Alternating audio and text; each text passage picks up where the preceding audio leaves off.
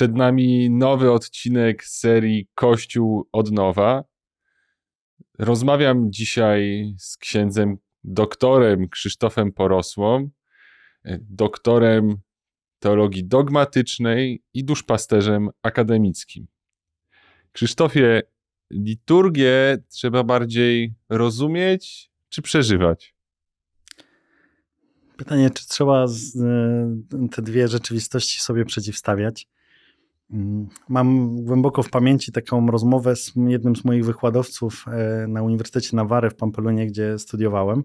To były moje pierwsze miesiące mojego pobytu i e, no, dopiero się uczyłem języka, nie czułem się jeszcze w żaden sposób pewnie i on mnie zapytał, jak właśnie to studia, jak pierwsze zajęcia, wykłady, ile rozumiem. I ja wtedy mu odpowiedziałem, że już dużo rozumiem, ale jeszcze mam duże trudności z mówieniem. I on wtedy się tak do mnie uśmiechnął i mówi: To bardzo dobrze, bo ja się bardzo boję tych, co mają dużo do powiedzenia, a mało rozumieją. I, i to, to właśnie zapadło mi jakoś głęboko w pamięci ta rozmowa, i, i jakby przenosząc ją na właśnie tę płaszczyznę liturgii, to znaczy. Nie, nie sposób w liturgii uczestniczyć, jeżeli tam nie będzie zrozumienia. To znaczy, to będzie wtedy jak mówienie bez rozumienia. E, ale równocześnie e, nie, nie, chodzi w liturgii tylko o przekaz dydaktyczny. Znaczy nie chodzi o to, żebyśmy z liturgii wyciągnęli coś mądrego, żebyśmy się dzisiaj czegoś nauczyli, żebym jeszcze ze dwa jakieś prawidła moralne wyprowadził i, i ewentualnie dowiedział się, co powinienem w swoim życiu zmienić bo może nam grozić wtedy coś, co papież Franciszek często nam próbuje przypomnieć, czyli taka wersja starożytnej herezji, jaką był pelagianizm, czyli taka opcja autozbawienia, samozbawienia, że ja to wszystko sobie w życiu poprawię i ponaprawiam, ewentualnie liturgia ma mi służyć do tego, żeby mi powiedzieć, co powinienem w życiu poprawić. A jak już to sobie ogarnę, no to wtedy przyjdę na liturgię taki sprawiedliwy i stanę przed Panem Bogiem, pochwalam, żeby się pochwalić, co mi się udało w ostatnim tygodniu zrobić. Zamiast e, właśnie mieć takie doświadczenie, że to liturgia mnie zmienia, że to liturgia mnie kształtuje, że to e, Chrystus Pan obecny w liturgii mnie do siebie upadabnia. Dlatego oba wymiary. To musi być i doświadczenie, i przeżycie, ale też musi być głębokie zrozumienie liturgii. Mhm. A czy Twoim zdaniem udało się zrealizować to, co postulował Sobór w Konstytucji o liturgii, czyli żeby uczestnicy mszy nie byli obecni jak obcy i milczący widzowie? Pewnie jest tak, że y, wobec niektórych wiernych Ciężko mi powiedzieć, czy nie, nie mam takich badań, żeby podać statystycznie, jakiego procenta wiernych, ale pewnie wo, wobec pewnej takiej właśnie świadomej, poddającej się też procesom formacji grupie wiernych i księży, bo tu nie chodzi tylko o wiernych, ale również o celebransów liturgii, yy, faktycznie się to udało. To znaczy na pewno mamy cały szereg e, osób, które są w liturgię zaangażowane, e, świadomie chcą w niej uczestniczyć, e, są do tego też uformowani, szukają tych miejsc formacji. Zresztą mm, tym się przede wszystkim zajmuję jako ksiądz i teolog, to znaczy takim dobrym tego słowa znaczeniu popularyzowaniem liturgii i, i mam do kogo mówić i mam z kim się spotykać. Organizujemy takie rekolekcje. Zresztą też jako duszpasterz akademicki mam takie piękne doświadczenie e, celebrowania w każdą niedzielę Eucharystii z grupą e, bardzo zaangażowanych w liturgię wiernych. Ale czy udało się to zrobić w stopniu masowym i wystarczającym? To na pewno nie. To znaczy na pewno jest to zadanie przed nami. Ja zresztą często powtarzam takie zdanie księdza Franciszka Blachnickiego, sługi Bożego, założyciela ruchu Światło Życie, który mówi, że najważniejszym i najtrudniejszym etapem reformy liturgicznej nie będzie zreformować obrzędy, nie będzie je wprowadzić w parafii, tylko uformować wiernych do uczestnictwa w niej. Mhm. No to jakby, czy może tak, co cechowałoby taką osobę wzorcowo uformowaną liturgicznie? Myślę, że y, na to pytanie bym odpowiedział z takim trochę przekąsem. To znaczy, że jeżeli ode mnie oczekujesz e, jakiegoś wzorca w znaczeniu osoby, która posiada ukończone jakieś e, szkoły formacji i zaliczyła x fakultetów pobożności chrześcijańskiej i uczestnictwa w liturgii, to, to na pewno takiej odpowiedzi ode mnie nie, nie dostaniesz, ale... Nie oczekuję e, takiej.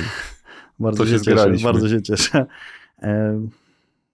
Ja bym powiedział tak, że pierwsza rzecz, jakkolwiek ona patetycznie zabrzmi, to jest życie w stanie łaski uświęcającej. Że ars celebrandi zaczyna się od tego, czy ja jestem w stanie łaski. I zanim z czegokolwiek się nauczę technicznie, jak liturgię odprawiać, jak ją celebrować, to, to, to jest pytanie o, o moją więź z Chrystusem i o moje właśnie to, to zjednoczenie i, i, życie w tej przestrzeni łaski. Druga rzecz e, to właśnie zaangażowanie w rytuał liturgiczny, to znaczy coś, co, co powtarza papież Pius X, modlić się liturgią, a nie w trakcie liturgii. Czyli to, czego potrzebuję do, do y, takiego uczestnictwa, to to mo moją obecność, która jest obecnością i ciała, i, i, ducha. E, jedno i drugie jest bardzo potrzebne. I to wydaje mi się, choć pewnie to jest trochę wątek osobny, ale o którym też myślę, że warto było, żebyśmy porozmawiali, to jest y, no, właśnie kwestia tej zdrowej antropologii, to znaczy widzenia, że w liturgii uczestniczy człowiek, który jest i ciałem, i duszą, a nie tylko jeden z jego wymiarów, bo mam takie wrażenie, że my bardzo często mamy takie bardzo duszne to duszpasterstwo, właśnie duszpasterstwo duszpasterzy i, i modlących się tylko za duszę. Więc y, jak się nam robi tak duszno, to, to trudno jest tej liturgii wtedy też uczestniczyć, bo jednak jestem na niej ciałem. A trzecia rzecz to y, y, bardzo potrzebujemy celebracji, które są e, spójne, autentyczne, mm, też w takim znaczeniu, że i wierni, i przede wszystkim celebrans e, wiedzą, dlaczego tu są, są e, głębią swojej wiary i zaangażowania obecni w tej celebracji i wzajemnie siebie inspirują do tej modlitwy. Przewodniczący jest tym, który przewodniczy temu zgromadzeniu, ale y, on, on jest tym, który buduje e, swoją postawą, swoim sposobem celebracji wiernych. Wierni są tymi, którzy też inspirują księdza, e, który, y, no, nie wiem, myślę, że też jako celebrant masz takie doświadczenie, że są takie zgromadzenia liturgiczne, takie celebracje, po których wychodzisz i mówisz, no, to było coś niezwykłego. Nie? Że, że była, nie wiem, nie wiem, czy słowo atmosfera jest dobrym, ale stworzył się taki klimat celebracji, że ta liturgia całego ciebie niosła, nie? Że, że nie musiałeś się jakoś bardzo wysilać, żeby wejść w modlitwę, a ona była czymś zupełnie naturalnym, e, bo była taka spójność między gestami, między muzyką, między, e, między właśnie e, rytmem tej celebracji. Dwie takie historie opowiem, żeby trochę zobrazować, co mam na myśli w jednej parafii, gdzie głosiłem rekolekcję, e, proboszcz odprawiał tę mszę świętą w takim tempie, że to było jak wystrzały z karabinu maszynowego. Po prostu ta, ta msza, nieprawdopodobne tempo. Oczywiście radykalne zwolnienie na bardzo długie e, e, kazanie. E, więc to, to było, znaczy może inaczej nawet, bo to nawet nie było kazanie, to było, to było jedno z trzech e, kazań, bo było kazanie wprowadzające do rekolekcji gdzie mnie witał. Potem ja głosiłem rekolekcję, więc naturalny sposób była nauka rekolekcyjna. A potem było e, trzecie, którym wyjaśniał, co ja chciałem powiedzieć w czasie tych rekolekcji. E, po czym znowu modlitwa eucharystyczna w błyskawicznym tempie, a potem po Komunii Świętej miało być czas ciszy. On usiadł i cisza. No i wiesz, stworzyła się tak dziwaczna atmosfera tej celebracji, że on się ruszył na krześle i cały kościół wstawał. Nie? Stwierdzili, że on jeszcze siedzi, więc oni usiedli. On się drugi raz ruszył na krześle, a oni byli w takim napięciu, że drugi raz wstali całym kościołem. I to mi pokazało, że z tego, że on stworzył moment ciszy po Komunii Świętej, ale ona była tak nienaturalna dla tej celebracji, w której uczestniczyliśmy, że nikt z wiernych nie był w stanie wejść w jakąś taką modlitwę kontemplacyjną po komunii, bo to nie było spójne. Więc to jest, to mam na myśli, mówiąc o atmosferze, o spójności celebracji, że, że właśnie ten człowiek jakoś uformowany to jest też taki, który, e, który ma doświadczenie takiej celebracji, która cała w jakiś naturalny sposób płynie. A, a drugi przykład z tym związany, krótszy już, to y, ojciec Kasjan Folsom, rekolekcje Misterium Fascinal, dziesiąta edycja i ma być msza w nadzwyczajnej formie rytu rzymskiego i ceremoniarz tak nerwowo do mnie podchodzi wiele razy i mówi, że musi ustalić z celebransem, czyli z ojcem Kasjanem, wszystkie szczegóły, żeby z nim porozmawiać. No jego problem polegał na tym, że tam nie znał języka obcego, żeby porozmawiać z ojcem Kasjanem, więc ja miałem być pośrednikiem tej rozmowy. I w pewnym momencie podchodzę do ojca Kasjana w, w zakrystii. On no, był skupiony, modlił się, kaptur na głowie i mówię, ojcze Kasjanin, ceremoniarz chce zapytać o parę rzeczy, ustalić te szczegóły celebracji. A ojciec Kasjan tak z tego pod tego kaptura na mnie popatrzył i mówi, powiedz mu, że robię to codziennie. I, i, i koniec ustalania. Niech ktoś powie, no nie, no przez lekceważenie celebracji, że przecież powinni ustalić te rzeczy, ale w tej odpowiedzi, jakby każdy, kto to słyszał tę odpowiedź, to czuł, ojciec Kasjan mówi, e, ja to świetnie znam. Ja jestem do tej liturgii przygotowany. Nie musimy nerwowo teraz ustalać pięć minut przed celebracją, co się będzie działo, bo ja tak żyję tym duchem liturgii, ja ją mam tak w siebie wtłoczoną, wpojoną, e, że nie musimy teraz na prędce tej celebracji jakoś kształtować. Ja to robię codziennie.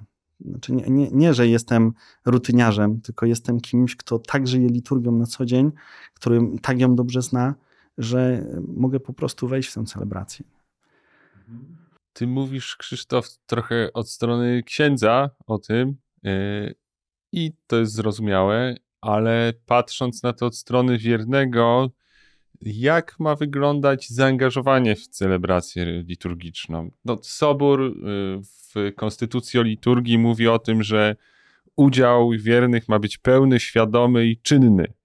Y, jak to rozumieć?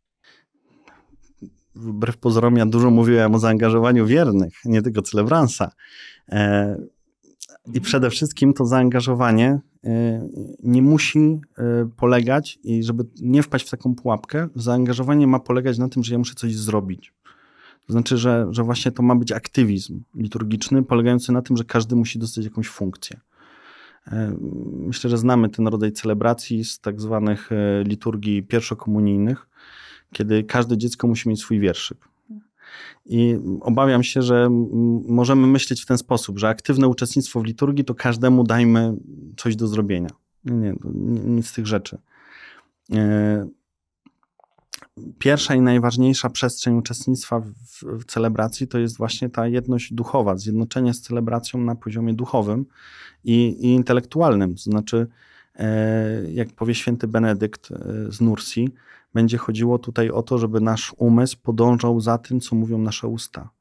Czyli ja tak wsłuchuję się w treści modlitw, ja tak e, e, całym sobą próbuję zaczerpnąć z tego, co słyszę, co w moim imieniu też wypowiada celebrans, bo często to on w moim imieniu e, się też modli, ale ja uczestniczę wsłuchając, ja uczestniczę myśląc o tych modlitwach, właśnie starając się dostosować moje serce, mój umysł do tego, co jest mówione jest pierwsza rzeczywistość. Druga, aktywne uczestnictwo polega na przyjęciu Komunii Świętej. Jakkolwiek banalnie to zabrzmi. Ale yy, przede wszystkim w Eucharystii będzie chodziło o to, żeby zjednoczyć się z Chrystusem. Zjednoczyć się i w Jego słowie, zjednoczyć się w Jego ofierze, ale zjednoczyć się na sposób sakramentalny. I oczywiście mogą być takie sytuacje, w których z obiektywnych przyczyn nie mogę przyjąć komunii, co nie wyklucza różnych przestrzeni tego zjednoczenia z Chrystusem, ale najważniejszym wtedy, kiedy y, mogę przygotować się do, do tego zjednoczenia, to chodzi o to, żeby być na Eucharystii nie widzem, tylko e, uczestnikiem uczty, który owoc tej uczty e, spożywa, to co Chrystus Pan przygotował na tym stole eucharystycznym. Trzecia rzecz e, to zaangażowanie naszego ciała. Wracam znowu do tego wątku, ale wydaje mi się, że z tym mamy największy problem. To znaczy zapominamy, że mamy ciało i że jesteśmy ciałem i że to ciało służy modlitwie. E, zupełnie straciliśmy wśród wiernych e, gesty liturgiczne, jak złożone ręce, jak e, pokłony, jak nawet procesje, nawet tam, gdzie są takie przestrzenie, to już w tym ludzie często nie uczestniczą. Czy nawet jak idziemy w procesji, to nie wychodzą z ławki, bo stracą miejsce. E, że jak y, klęczymy, to nie klęczymy, tylko kucamy, bo jest niewygodne klęczenie albo bolą nas kolana. Że myślę, że większość wiernych w ogóle nie uświadamia sobie tego albo krępuje się i wstydzi, bo też rozmawiam z moimi studentami, mówią, że nawet jak o tym wiedzą, no to jak nikt w kościele nie robi głębokiego pokłonu, to on też nie będzie kłaniał na środku kościoła. E, więc, e, więc straciliśmy zupełnie to zaangażowanie naszego ciała. E, I wydaje mi się, że to jest potężna strata. i, i, i, nauka tego jest trudna, żeby to odzyskać. I, I, czwarta rzecz, może ostatnia, bo ich by było jeszcze więcej, ale tak wydaje mi się najważniejsze, to jest coś, o czym bardzo dużo pisze Romano Guardini. To on mówi, że nie tylko zatraciliśmy zdolność modlitwy naszym ciałem, e, w znaczeniu właśnie gestów, e, postaw liturgicznych, ale również i może przede wszystkim zdolność odczytywania symboli, modlitwy symbolami.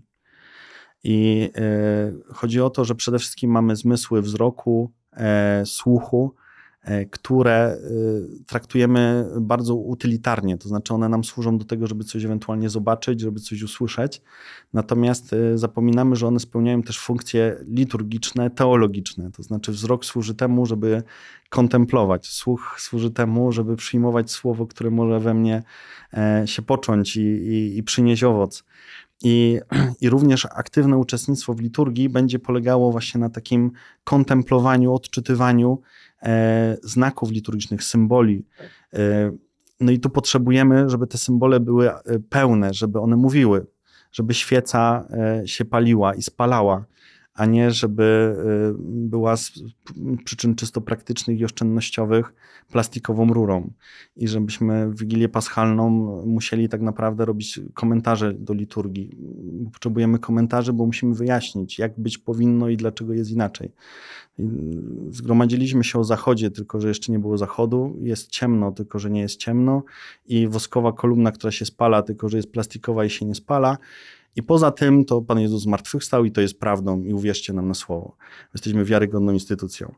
E, we wszystkich innych kwestiach e, tak musicie sobie wyobrazić, że tak jest, ale w tej jednej kwestii, że tu jest naprawdę i że On naprawdę zmartwychwstał, to mur beton.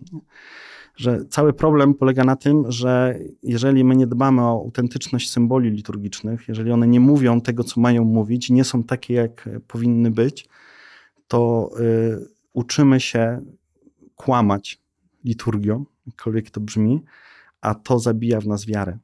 To znaczy, w pewnym momencie już nie umiemy wierzyć, bo, bo nie wiemy, co jest prawdą, a co nie jest prawdą. W czym mam sobie wyobrazić, a w czym jest rzeczywiście. Liturgia, która jest y, niesprawowana autentycznie, starannie, po prostu odbiera, ogałaca celebransa i wiernych z wiary. To wiem, że to jest mocne zdanie, ale nie mam co do tego wątpliwości i dla wiernych, i dla celebransa potrzebujemy odzyskać tę zdolność do, do odczytywania symboli, ale też potrzebujemy autentycznych symboli w liturgii. Mhm. A co byś radził osobom, które są spragnione tego rodzaju przeżyć, czy autentyczności w liturgii, a ze względu na to, jak wygląda ich życie parafialne, czy w kościele, w którym bywają, tego nie ma? E, jakkolwiek to zabrzmi, to jednak jest pewnym rozwiązaniem Churching. E, nie mam co do tego wątpliwości. To znaczy, jeżeli miałbym parafię, która we mnie, albo na przykład, jako byłbym rodzicem w moich dzieciach, e, systematycznie tydzień w tydzień zabija wiarę, to ani chwili bym się nie zastanawiał.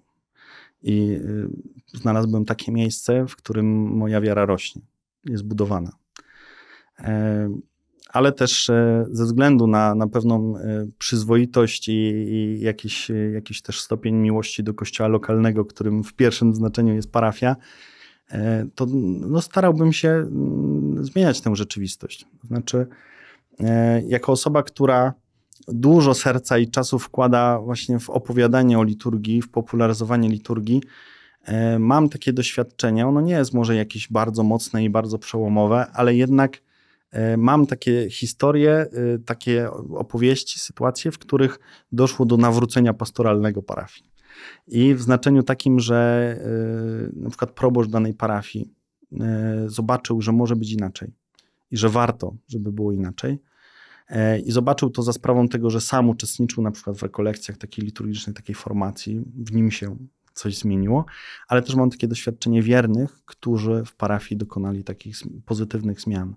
To znaczy, e, byli tak wiercącymi dziurę w brzuchu, byli jak to w przypowieści Jezusowej, tak nachalni i, i tak e, w dobrym tego słowa znaczeniu właśnie gdzieś tam przychodzili, przychodzili, starali się, nie odpuszczali, że w końcu e, może nawet, żeby odpuścić temat, proboszcz powiedział, a ich będzie, po czym zobaczył, jakie to owoce przynosi.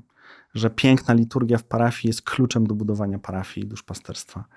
Więc y, myślę, że warto. To znaczy, warto próbować tę rzeczywistość zmieniać. Jak mam na tyle świadomości, że mogłoby być inaczej, to mogę próbować, ale ostatecznie, jeżeli, jeżeli jestem w jakiejś takiej wspólnocie, czy jestem w takim miejscu, gdzie widzę, że E, że ten sposób celebracji liturgii e, no jest, jest niegodny samej celebracji, ale też zabija moją wiarę. Sprawia, że mi jest tak już trudno uczestniczyć, że ja bardziej się frustruję, wkurzam i nie wiadomo co jeszcze na tej liturgii niż, niż modlę. No to szukałbym tych miejsc, które budują moją wiarę. Mhm. Wiesz, oprócz te, te, tej sytuacji, w której y, symbol jest nieczytelny, jest rzecz, którą jakoś poruszyłeś, y, ale chciałbym o to dopytać, czyli osób, które nie mogą w sposób pełny y, i czynny uczestniczyć w Eucharystii w aspekcie przyjmowania y, sakramentalnie Komunii Świętej. To są często osoby żyjące w powtórnych związkach, osoby z różnymi nieregularnościami w życiu. Co byś dla nich miał jako radę, czy jakiś pomysł na to, jak przeżywać, jak odnaleźć się na liturgii? E, to może dla niektórych być kontrowersyjne, co powiem, ale badając historię liturgii, e, nie ma żadnych wątpliwości, że większość tej historii to jest historia nieprzyjmowania przez wiernych Komunii Świętej. Autentycznie. Przynajmniej od IV wieku do XX bardzo rzadko, prawie nigdy wierni nie przyjmowali komunii w czasie celebracji. E, bardzo dużo czynników na to wpływało. I wcale nie chcę powiedzieć, że to jest coś, e, co jest optymalne i co, co jest piękną, piękną e, kartą historii Kościoła. Zdecydowanie uważam, że najważniejszym elementem ruchu liturgicznego i reformy liturgicznej są dekrety z początku XX wieku, e, pozwalające na częstą komunię świętą, to znaczy na przyjmowanie komunii w czasie każdej celebracji, w której uczestniczę. I to, że w nowym szale jest obrzęd Komunii Świętej Wiernych, bo w mszale Piusa V bezpośrednio tego obrzędu nie było. I w x miejscach było tak, że tylko celebrant przyjmował komunię, a wierni ją przyjmowali po celebracji albo przed celebracją. Ale e, dlaczego o tym powiedziałem? Ano dlatego, że coś, czego się nauczyli wtedy wierni w Kościele, to to, że e, owocne i głębokie uczestnictwo w Eucharystii nie jest związane tylko z przyjęciem komunii, mimo że, że ona jest jakimś punktem kulminacyjnym. Ale oni się uczyli towarzyszyć Chrystusowi i jednoczyć z Nim przez całą celebrację. I oczywiście temu służyła przede wszystkim taka metoda odtwarzania, czy jakby patrzenia, jak dany moment celebracji reprezentuje jakiś wymiar drogi krzyżowej Chrystusa i jego śmierci. I, I, niektórzy uważają, że ta metoda tak, takiej właśnie trochę pobożności ludowej, której e, tak naprawdę wierni nie uczestniczyli bezpośrednio w obrzędzie, to znaczy przestawali śledzić obrzęd, a, a szukali gdzieś tam na zasadzie pewnej tej analogii, jakiegoś tego elementu z drogi krzyżowej męki Chrystusa, że ona ich od liturgii odciągała, ale mi się wydaje, że tam była genialna intuicja, to znaczy właśnie intuicja e, towarzyszenia Jezusowi, jednoczenia się z Jezusem w Jego męce, w Jego zmartwychwstaniu przez całą celebrację. I wydaje mi się, że to jest pierwsza rzecz, którą bym chciał zaproponować tym osobom, które z obiektywnej racji nie mogą przystępować do komunii, że mogą przez całą celebrację jednoczyć się z Chrystusem, e, właśnie uczestnicząc w tym, w tym obrzędzie, towarzysząc Mu w tej drodze. Druga rzecz, która jest, y, myślę, niesamowicie ważna, to to, że y, Sobór Watykański II w Konstytucji o liturgii mówi o dwóch stołach, które są zastawione. O stole Eucharystii, ale też o stole Słowa Bożego. I można przeżyć komunię z Chrystusem, przyjmując Go w Słowie. I, I, myślę, że to jest taki aspekt, który, który my mocno zatraciliśmy. To znaczy, w liturgii słowa najczęściej szukamy właśnie tego wymiaru moralizatorsko-pouczającego. To znaczy pytamy, co zapamiętałem i czego się nauczyłem, a nie patrzymy na Słowo Boże jako komunię z osobą. A już chociażby święty Hieronim przepięknie pisał, mówiąc, że jeżeli y, upuścimy odrobinkę chleba eucharystycznego, to szukamy jej z wielką taką pieczołowitością, wiedząc, że nie możemy y, zbezcześcić chociaż najmniejszej odrobiny chleba eucharystycznego, który jest ciałem Chrystusa, ale jak to samo robimy z Bożym Słowem, nie słuchając Go, to nie przejmujemy się tym, zapominając, że to jest ten sam Chrystus, którego przyjmujemy w tym Słowie. Więc to jest druga rzecz, którą bym serdecznie polecił, to znaczy przeżywać komunię z Chrystusem w, w tym wymiarze właśnie y, stołu Słowa. I trzecia rzecz to przeżywać komunię z Chrystusem y, w braciach i siostrach. Y, I to święty Jan Chryzostom mówił, jak możesz czcić ciało Chrystusa na ołtarzu, jeżeli nie czcisz ciała Chrystusa, którym jest twój brat i siostra, e, potrzebujący, proszący cię o pomoc. To jest y, liturgia życia, to znaczy jednoczenie z Chrystusem, przyjmowanie komunii e, Chrystusa w, właśnie w tym, co on sam mówi. Co uczyniliście jednemu z moich najmniejszych w mieście uczynili. Tu ścisły związek między Eucharystią, a, a tym, co nazywamy y, caritas w rzeczywistości, rzeczywistości Kościoła. I to też pięknie widać y, na mszy Wieczerzy Pańskiej, kiedy nie czytamy Ewangelii o ustanowieniu Eucharystii y, z opisów synoptycznych, tylko czytamy Ewangelię o umyciu nóg przez Chrystusa. To jest opowieść Eucharystii. Miłość, która się wyraża w, w konkretnej posłudze człowiekowi. Mhm. Wiesz co, to jest y, bardzo inspirujące, myślę, nie tylko dla osób y, w nieregularnych sytuacjach, ale tak naprawdę mm, może być też pewną wskazówką dla tych, którzy są e, w stanie, mogą przyjmować e, komunię sakramentalnie. To, to może być też takie wzbogacenie do, do tego, żeby w pełni e, przeżywać E, tę, tę komunię y, sakramentalną właśnie, y, jakby przez y, nowy sposób takiego zaangażowania w, w liturgię. No też wiesz co, wydaje mi się, że, że to jest taka rzecz, którą tutaj często zapominamy, że wiara w Eucharystię to nie jest tylko wiara w to, że chleb i wino zostały przemienione w ciało i krew Chrystusa, ale wiara w to, że ja zostałem przemieniony, że mnie ten pokarm przemienia, Przepięknie to właśnie święty Augustyn pisał o tym, że, że zwykły pokarm, kiedy jest trawiony przez nas, to staje się nami. To znaczy w pewnym momencie już nie ma tego, co zjedliśmy, tylko jesteśmy my. Ale z racji tego, że Eucharystia jest pokarmem duchowym, który jest ontologicznie silniejszy, to, y, to ona nas trawi, znaczy ona nas przemienia, że w pewnym momencie ja, ja, ja się staję ciałem i, no, realnie ciałem Chrystusa, ale to też oznacza w konsekwencji, że moi bracia i moje siostry stały się ciałem Chrystusa, e, że teraz rozpoznawać obecność Chrystusa, jakby całe też życie moralne tu się ujawnia, że faktycznie y, to nie jest tak, że ja coś zrobiłem przeciwko bratu czy siostrze, czy ostatecznie zawsze to zrobiłem wobec Chrystusa i dobro i zło, bo, bo to jest konsekwencja wiary eucharystycznej ja bardzo lubię ten fragment y, Ewangelii Jana, kiedy Jezus mówi, że On trwa w nas, a my w Nim. I nie wiem, czy kiedykolwiek się zastanawiałeś z punktu widzenia logiki klasycznej nad tym zdaniem, ale zasadniczo coś takiego nie istnieje. To znaczy, dla tych, co nie umieją myśleć abstrakcyjnie, ale mają z tym, tym pełną trudność, to e, prosty obraz. Karton mleka znajduje się w lodówce i równocześnie lodówka w kartonie mleka. To nie działa. Tak po prostu nie jest. Jest tylko jedna sytuacja, kiedy to może za zadziałać. Jeżeli dochodzi do utożsamienia między jednym a drugim.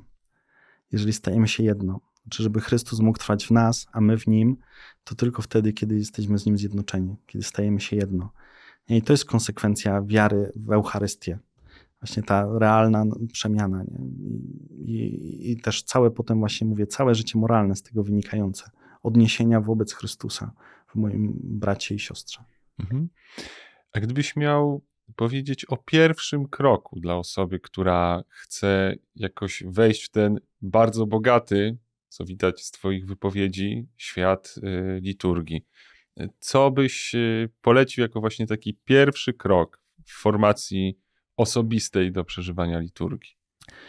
No myślę, że, wiele z tych rzeczy, które wcześniej już padały, mm, jak właśnie stan łaski uświęcającej, mm, to maksymalne wsłuchanie się w modlitwy, w obrzędy, ale też e, e, no, wprost bym powiedział, to znaczy formacji liturgicznej trzeba szukać. I mówię, trzeba szukać, dlatego że niekoniecznie to jest oczywiste, że ona sama nas znajdzie. Może się tak wydarzyć, że nie wiem, że trafimy na rekolekcje w parafii, które będą poświęcone liturgii, e, ale jednak jest tak, że raczej muszę tego szukać. Ale to jest do znalezienia. I, I, to, to jest chyba coś, co bardzo bym chciał w serca wlać wielu naszych kochanych, drogich, wiernych w parafiach, że jak mi na czymś zależy, to naprawdę podejmuję kroki, żeby to znaleźć i zrobić. I w każdej dziedzinie i sferze życia. Jeżeli naprawdę na czymś zależy, to to znajdę. Ewangelia mówi: szukajcie, znajdziecie. I w formacji liturgicznej też trzeba poszukać i można ją znaleźć. I jest trochę instytucji, i trochę osób, yy, i, i trochę wartościowych książek, yy, z którymi, po które mogę sięgnąć, żeby tę formację liturgiczną jakoś tam zdobywać i kształtować, też swoją wiedzę, rozumienie, poznanie. A jak czasami ktoś mi mówi, a że to są takie trudne książki, E, no to ja zawsze się uśmiecham i mówię, po pierwsze, nie ma sensu czytać książek, które się rozumie od dechy do dechy, bo one w żaden sposób cię nie rozwijają. Czyli jeżeli wszystko w tej książce od samego początku przeszedłeś lekką ręką i nic nie było, co cię zatrzymało, no to jakby szkoda było to czytać. Więc książki, które cię zatrzymują, one mają szansę cię rozwinąć. E, po drugie, e, nie dawajmy sobie wmówić w kwestiach religijnych, jakby nie zgadzajmy się na, na przeżywanie religijności antyintelektualne. To jest rzecz, która mnie fascynuje w polskim kościele. Dlaczego mamy taką łatwość do, y, do antyintelektualnego przeżywania wiary, jakby wyłączania mózgu, kiedy zaczynamy zajmować się rzeczami bożymi. Nie da się tak. Bóg, w którego wierzymy, to jest logos, to jest ratio, sens, rozum.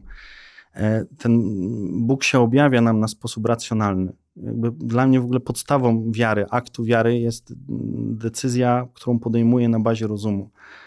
E, kochany Benedykt XVI, którego niedawno pożegnaliśmy, jak został zapytany o co chodziło w jego pontyfikacie, to odpowiedział od razu pokazać, że wiara jest czymś racjonalnym.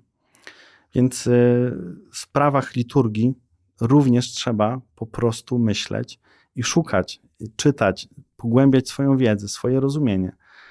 Nie chcę je sprowadzić tylko do tego wymiaru, bo tu nie chodzi tylko o, o taką e, o racjonalizm, bo to jest jedno z dużych niebezpieczeństw dla liturgii, przeżywanie liturgii na sposób racjonalistyczny, ale chodzi mi o racjonalność, to znaczy przeżywanie liturgii w sposób myślący.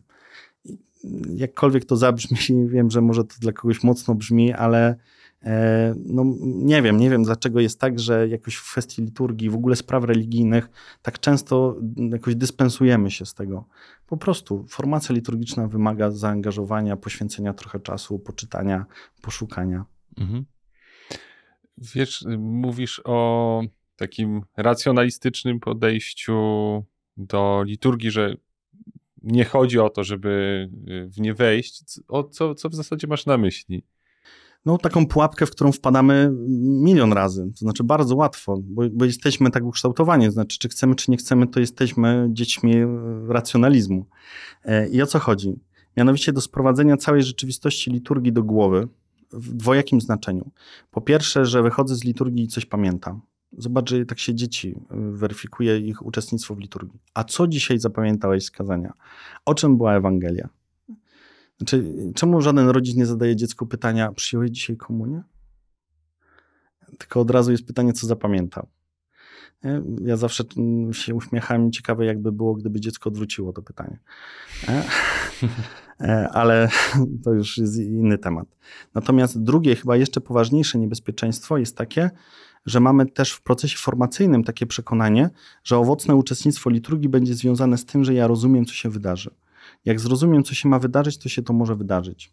Czyli zobacz, jak wygląda na przykład przygotowanie do sakramentów. Tłumaczymy kandydatom danego sakramentu, co ten sakrament oznacza i co powinno się w nich wydarzyć. I y, jeżeli oni tę wiedzę mają, jeżeli ją zrozumieli i przyjęli, no to spodziewamy się, że mają szansę tego doświadczyć ale jak ktoś nie ma tej wiedzy, no to nie, to już na pewno nie będzie owocnie w nim ta liturgia działała. A doświadczenie pierwszego kościoła jest dokładnie odwrotne. To znaczy mistagogia liturgiczna, czyli tłumaczenie obrzędów liturgicznych odbywało się post factum, to znaczy już po celebracji liturgicznej, bo najpierw było doświadczenie liturgii, a potem to doświadczenie opisywaliśmy e, katechetycznie. I, I, wydaje mi się, że, że właśnie bardzo mocno straciliśmy to, ten aspekt doświadczeniowy. E, że, że też, nie wiem, nasza katecheza o liturgii idzie po takiej linii, że na przykład, nie wiem, uczymy o symbolach liturgicznych w znaczeniu, nie wiem, symbol światła. Pojawia się w Biblii tu, tu, tu i tu. Oznacza to, to, to i to. W historii liturgii był używany w wieku takim i takim i ten. No i potem idziesz na mszę świętą i zobacz, że to jest wiedza absolutnie bezużyteczna. To znaczy nie jest tak, że wchodzi ministrant z zapaloną świecą i w tobie wow, wow, to jest y, tekst biblijny, te sigla, w ogóle wtedy było światło w tamtej historii, a w ogóle w XI wieku w liturgii, a w IV wieku było to. No nie przeżywasz tak liturgii, znaczy nie, nie, nie działa tak, że ci się linkuje wiedza historyczna e, w czasie uczestnictwa. Jeżeli ten, ten, ten symbol światła ma cokolwiek mi w czasie liturgii powiedzieć, to tylko jedno. Tu jest Bóg. Skoro tu jest światło, tu jest Bóg.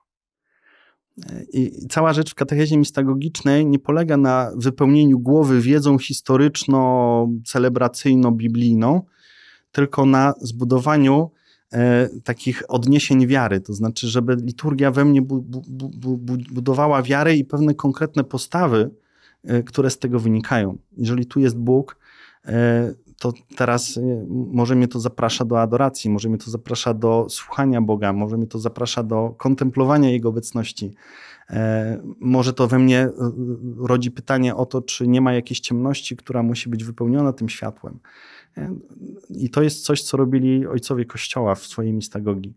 I to jest coś, co na przykład czego ja się bardzo uczyłem o, i uczę od Romano Guardiniego on mm, w swoich książkach, chociażby o duchu liturgii, czy takiej malutkiej książeczce Znaki y, Święte, czy też wydany niedawno we współpracy y, Dominikańskiego Ośrodka Liturgicznego i wydawnictwa WAM e, wydaliśmy książkę o formacji liturgicznej właśnie u Guardiniego. On tłumaczy, na czym ta formacja liturgiczna ma polegać, na czym ma, ma też polegać cała ta mistagogia liturgiczna, czyli wtajemniczenie w liturgię, które nie ma być e, zapchaniem naszej głowy wiedzą pojęciową i historyczną, tylko zbudowaniem tych powiązań między celebracją a moją wiarą nie? i konkretnymi postawami. Wiesz, wydaje mi się, to jest o, o, oczywiście osobny, duży temat, ale że e, liturgia ma to do siebie, że jakoś wprowadza nas w skrajności. Bo są osoby całkowicie nie, nie zainteresowane liturgią, z drugiej strony są gorący pasjonaci. Jeżeli już ktoś wejdzie w ten świat, to często jest bardzo zaangażowany. No i z drugiej strony y, też y, są skrajne postawy wśród tych za, y, zaangażowanych. Jedni mówią, że najlepiej, żeby było tak, jak było przed Pawłem VI. Inni chcieliby w ogóle, żeby liturgia była sprawowana w swetrze najlepiej. Więc nie wiem, jakbyś mógł powiedzieć, skąd Twoim zdaniem biorą się takie napięcia związane z liturgią, skąd te emocje?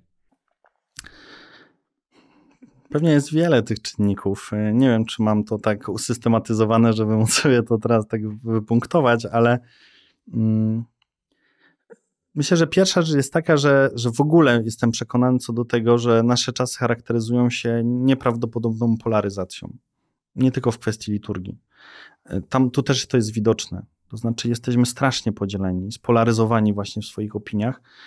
E, to jest też w dużej mierze jednak związane z tym, że jesteśmy społeczeństwem e, e, też emocjonalnym, to znaczy, że, że brakuje nam takiego namysłu i argumentów często nad tymi namysłami, że od razu jakby funkcjonujemy według tego, co czujemy i, i, i to jakoś tam nas polaryzuje, także w liturgii.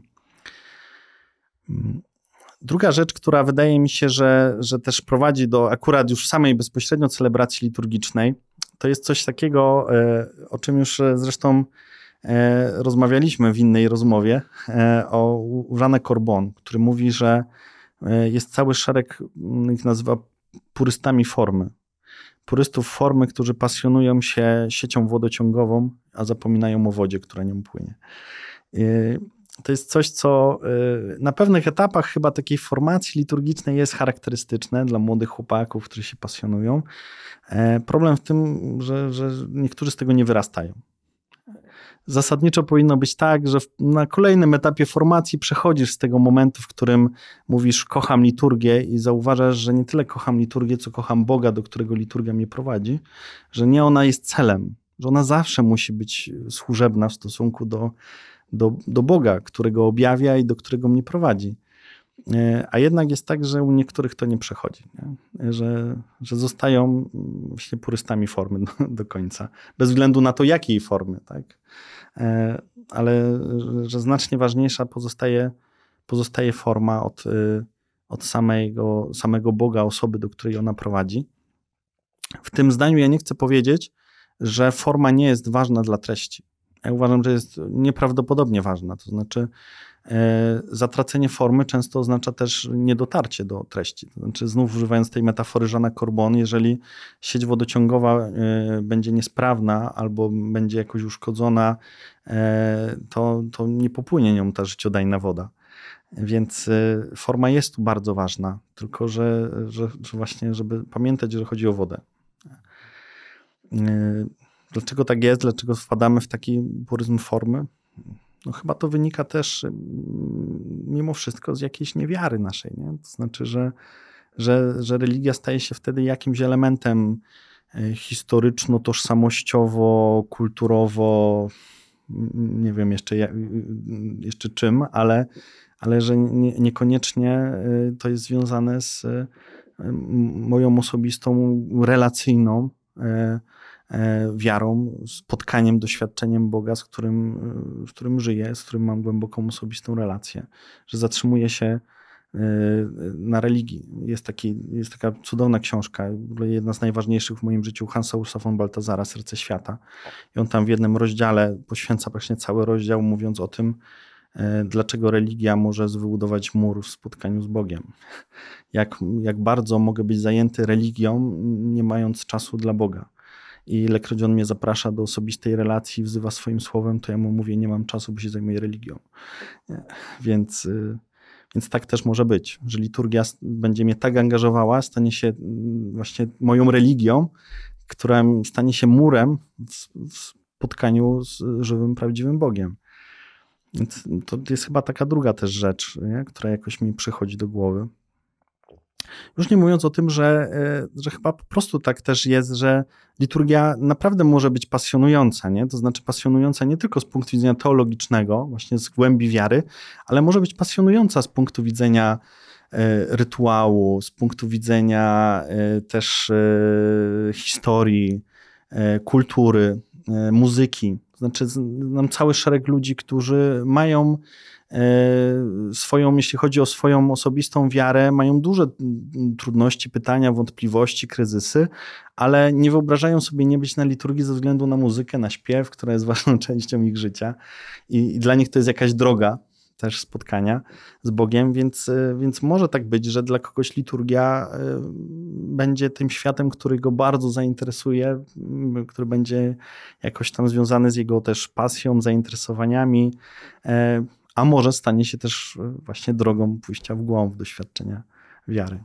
Mhm. Dziękuję Ci za odpowiedzi na pytania. Czy chciałbyś e, coś dodać na koniec, jakoś podsumować to, o czym mówiliśmy? Jest takie e, bardzo piękne zdanie, które kiedyś usłyszałem odnośnie właśnie liturgii, w ogóle też misterium, czyli tajemnicy E, ponieważ e, mówimy o, o, formacji liturgicznej i ojcowie Kościoła w pierwszych wiekach wypracowali taki termin jak mistagogia, jak parę razy użyłem, e, który to termin właśnie oznacza, najczęściej go tłumaczymy jako formację liturgiczną, czy wprowadzanie w liturgię, wtajemniczanie w liturgię, ale tam gdzieś cały czas rezonuje to słowo tajemnica, mysterion. Nam się słowo tajemnica najczęściej kojarzy z czymś, co jest niepoznawalne. Że jak, jak tajemnica, to znaczy, że się nie da poznać. I, I trochę można wpaść w taki sceptycyzm poznawczy, mówiąc, no to po co w ogóle poznawać i wchodzić i uczyć się czegoś, co jest niepoznawalne. No i cały problem polega na tym, że y, to tłumaczenie mysterium na tajemnica nie jest najlepsze. Dlatego, że chyba lepszym i adekwatniejszym byłoby tłumaczyć jako sekret. Bo sekret to nie jest coś, co jest niepoznawalne, tylko to jest coś, co jest jeszcze dla mnie ukryte bo nie mam na tyle głębokiej osobistej relacji z kimś, kto ten sekret może przede mną odsłonić, żeby on zechciał mi to odsłonić. Ale jak zbuduję z nim taką relację, to ten sekret będzie przede mną wyjawiony. ilekroć się pojawia słowo mysterium w Nowym Testamencie, to mowa jest o objawieniu Boga, o odsłonięciu, nie o zakryciu, niemożliwości wejścia z Nim w kontakt, relacje, w poznanie. I w mistagogii będzie chodziło właśnie o to, żeby ona odsłaniała przede mną liturgię, ale potrzebuje do tego mistagogów, czyli kogoś, kto jest już na tej drodze i mnie do niej mnie prowadzi. To jest przewodnikiem, nie znakiem drogowym mówiącym tam idź, tylko przewodnikiem, który ze mną idzie tą drogą. Ale właśnie to zdanie, o którym chciałem powiedzieć, które mówi, że jeżeli y, czasami y, wydaje nam się, że właśnie ta liturgia jest niepoznawalna, że jest y, jak, jak jakaś, jakaś ciemność przede mną, to nie dlatego, że tam nie ma światła, tylko dlatego, że tam jest za dużo światła. To jest jak patrzenie w słońce. Jak patrzysz prosto w słońce, to przestajesz widzieć. Nie dlatego, że tam nie ma światła. Cała rzecz jest w tym, że dzięki temu słońcu widzisz wszystko naokoło. I może czasami rzecz jest w tym, że, że jak się tak przyglądamy bardzo uważnie i przestajemy widzieć, to trzeba odwrócić wzrok od samego słońca i zacząć wszystko naokoło widzieć w perspektywie tego światła, które mi to słońce daje. I chodzi mi o to, że że czasami są takie momenty, i może nawet powiedziałem, że zawsze w formacji liturgicznej, żeby nie tylko patrzeć w słońce, e, w samą liturgię, ale pamiętać, że liturgia mi pozwala zobaczyć wszystko naokoło mojego życia wiary, życia duchowego, relacji z innymi ludźmi, że, że ona kształtuje całe moje życie chrześcijańskie. Więc o to będzie chodziło w formacji liturgicznej, żeby ona kształtowała nie tylko moje uczestnictwo w celebracji, ale żeby ona kształtowała we mnie pewne postawy, coś, co E, co można byłoby nazwać człowiekiem liturgicznym, który jest cały ukształtowany według liturgii i przez liturgię. Mhm. Dziękuję Ci za rozmowę i do zobaczenia w kolejnej. Za dwa tygodnie w serii Kościół od nowa spotkamy się z księdzem doktorem habilitowanym Robertem Woźniakiem, który powie nam o tym, co to jest objawienie. Dziękujemy naszym patronkom i patronom. Bez Was ta seria nie mogłaby powstać.